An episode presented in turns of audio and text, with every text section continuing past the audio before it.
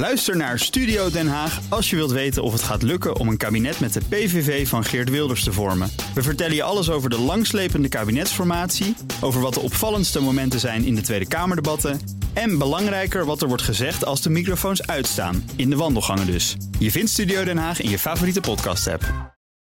De column van Jaap Jansen. Zolang de kabinetsformatie voortduurt, sluit Nederland zich af van wat er in de rest van Europa gebeurt. Kranten en Kamerleden leken deze week geschokt dat Nederland op een aantal punten flink moet hervormen, wil het miljarden aan investeringsgeld krijgen uit het Europees Herstelfonds. Waar bemoeit Brussel zich mee? vroegen zij zich af. De Telegraaf chocolade letterde: EU kaapt onze renteaftrek, hypotheekhervorming geëist voor coronasteun.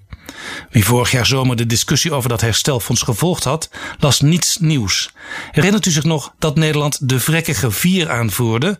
Een clubje landen dat eigenlijk helemaal geen herstelfonds wilde en als het er dan toch kwam, diepgaande hervormingen eiste in Italië en andere zuidelijke lidstaten. Er dreigde zelfs een crisis binnen de crisis. Maar omdat er verder geen binnenlands politiek nieuws is en minister Wopke Hoekstra maandag in een brief aan de Tweede Kamer nog eens uitlegde hoe het zat, werd het vanzelf weer nieuws. Nederland is de risée van Europa.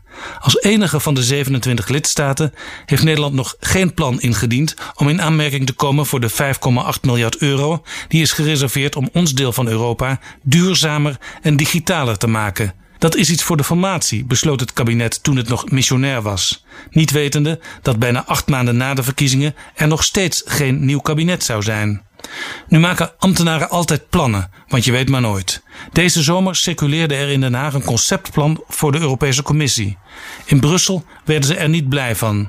Nederland wil investeren zonder te hervormen, vertelde een topambtenaar mij. Kun je het je voorstellen? Wel geld vragen, geen hervormingen. Het Nederlandse plan ontbeerde kritische massa. In Den Haag hoorde ik dat we liever misschien wel helemaal zouden willen afzien van meedoen aan het herstelfonds. Het gaat zo goed met de economie dat er geen directe noodzaak is om extra te investeren. Waarom zouden we ons hervormingen laten opleggen? klonk het. En als we toch geld nodig hebben, dan kunnen we dat gratis zonder rente lenen op de kapitaalmarkt.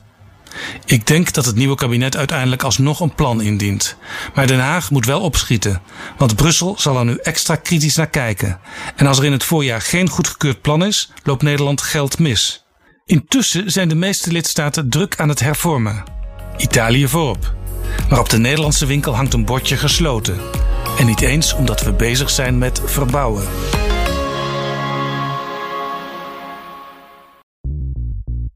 BNR ben je altijd als eerste op de hoogte van het laatste nieuws. Luister dagelijks live via internet. Bas van Werven. En heel langzaam komt de zon op rond dit tijdstip. Je krijgt inzicht in de dag die komt op BNR, het Binnenhof in Nederland en de rest van de wereld. De Ochtendspits. Voor de beste start van je werkdag. Blijf scherp en mis niets.